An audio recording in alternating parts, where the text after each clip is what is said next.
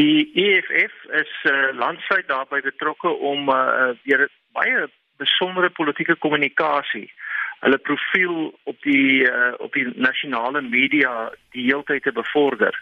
So ehm um, dit is deel van die strategie van die EFF. Die EFF is 'n relatief klein partytjie en uh, vind dit uh, waarskynlik nodig om uh, hulle steun te probeer vergroot met hierdie soort uitsprake. So daar's nie 'n aanduiding hoekom dit logies is dat jy uh, van meneer Trollop wil ontslaa raak nie alhoewel die EFF argumenteer dit is omdat hy um, natuurlik wit is. Hulle sê dit uh, direk en dat hulle dit doen omdat hulle uh, die DA hulle nie in hulle grondhervormings uh, uh, moesie in die parlement gesteun het nie. Maar daar's nie 'n logiese rede hoekom jy dit in uh, Port Elizabeth of dan Nelson Mandela metropolit uh, metropolitaanse munisipaliteit doen, maar nie in Tshwane of in ehm um, uh, Gauteng ehm um, Johannesburg nie.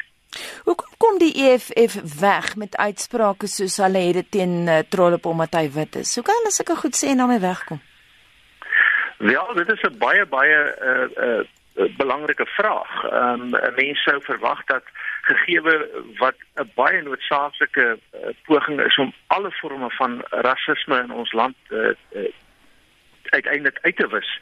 Ehm um, is dit 'n vraag hoekom die EFF hierdie soort uitsprake kan maak. Ehm um, hulle doen dit om om emosies op te wek en dit gaan uiteindelik nadelige gevolge hê. Daaroor is daar geen twyfel nie.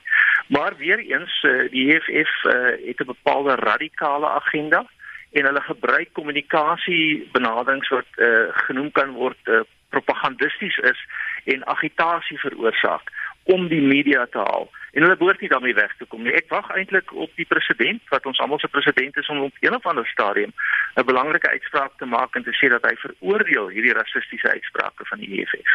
Om terug te kom na die DA en die mosie vandag, hoe lyk die getalle teen of vir die DA?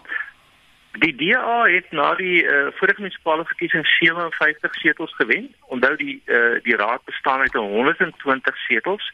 So dit beteken hulle is eintlik baie naby aan uh nee, uh, hulle het nie volstrekte meerderheid nie, maar 60 sou sou in elk geval die helfte wees, so 61 setels sou 'n volstrekte meerderheid wees. Die ANC daarteenoor het slegs 50 setels gewen, wat natuurlik uh, op daardie stadium al aardskrend was. Uh en die aanvanklike koalisie vennote die UDM het twee gehad plus die EFF 6.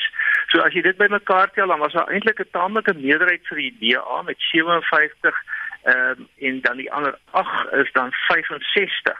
Nou ehm um, kan die ANC 'n meerderheid behaal indien hulle die UDM en die EFF se stemme kry, maar dan is hulle uh, het hulle eintlik nog ehm um, nog 3 setels nodig. Nou, dis nou 'n bietjie van 'n ingewikkelde som. Op hierdie stadium is die verdeling egter byna gelykop. Ons weet dat die Patriotic Alliance van meneer Gayton McKenzie het hulle steun aan die DA toegesê met anderwoorde aan meneer Trollop.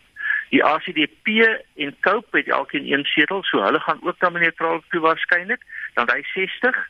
Ehm um, en dan het die uh, eh, ANC en die uh, eh, EFF plus UDM 60. Nou is die belangrike kom ons sê stem wat die wat die ding hier kan laat swaai is die van die African Independent Congress. En hulle het besluit om hulle steun en dis vreemd want hulle is eintlik in in in in Elizabeth in 'n koalisie met die ANC of hulle werk eintlik saam met die ANC hulle het eintlik 'n ooreenkoms met die ANC hulle het gesê hulle gaan vir neutraal opstem die implikasies tussen die Trollop het 'n het 'n het 'n kans om vanmiddag die mosie te oorleef.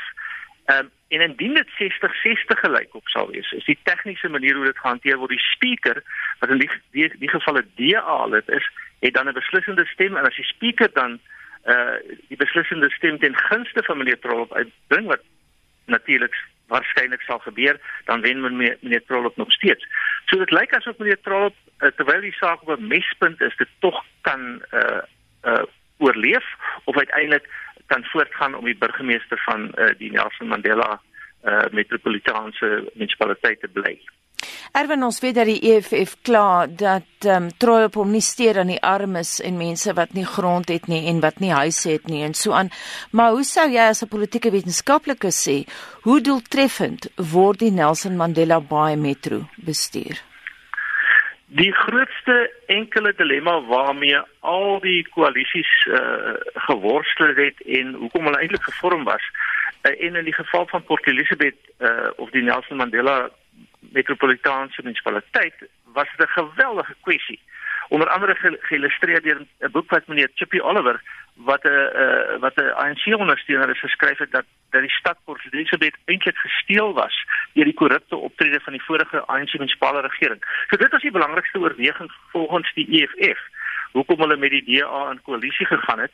Ehm um, en en daarom is dit wat hier gehanteer word. En as ons korrupsie kan uitroei, dan is daar meer fondse beskikbaar, dan is daar meer goedgesindheid beskikbaar. Daar's beter regering sonder korrupsie. En op hierdie stadium dink ek is dit presies 'n aanleiding van die EFF se opportunisme in hierdie saak. Hulle ehm um, het 'n groot probleem met korrupsie gehad, maar terwyl hulle nou nader aan die ANC wil beweeg, het hulle 'n uh, 'n ander agenda. En hierdie agenda moet hulle nou ook regverdig. En hulle regverdig dit waarskynlik na my mening uh, op die swakste denkbare manier en dit is met 'n rassistiese agenda. As die EFF in hulle poging misluk om vertrol op uit die kussings te lig en jy sê daar is 'n kans dat dit sal gebeur. Watter implikasies het dit vir die EFF en hulle verhouding met die DA? Dit is natuurlik maar in elk geval 'n verhouding wat uh, wat voortdurend onder druk is.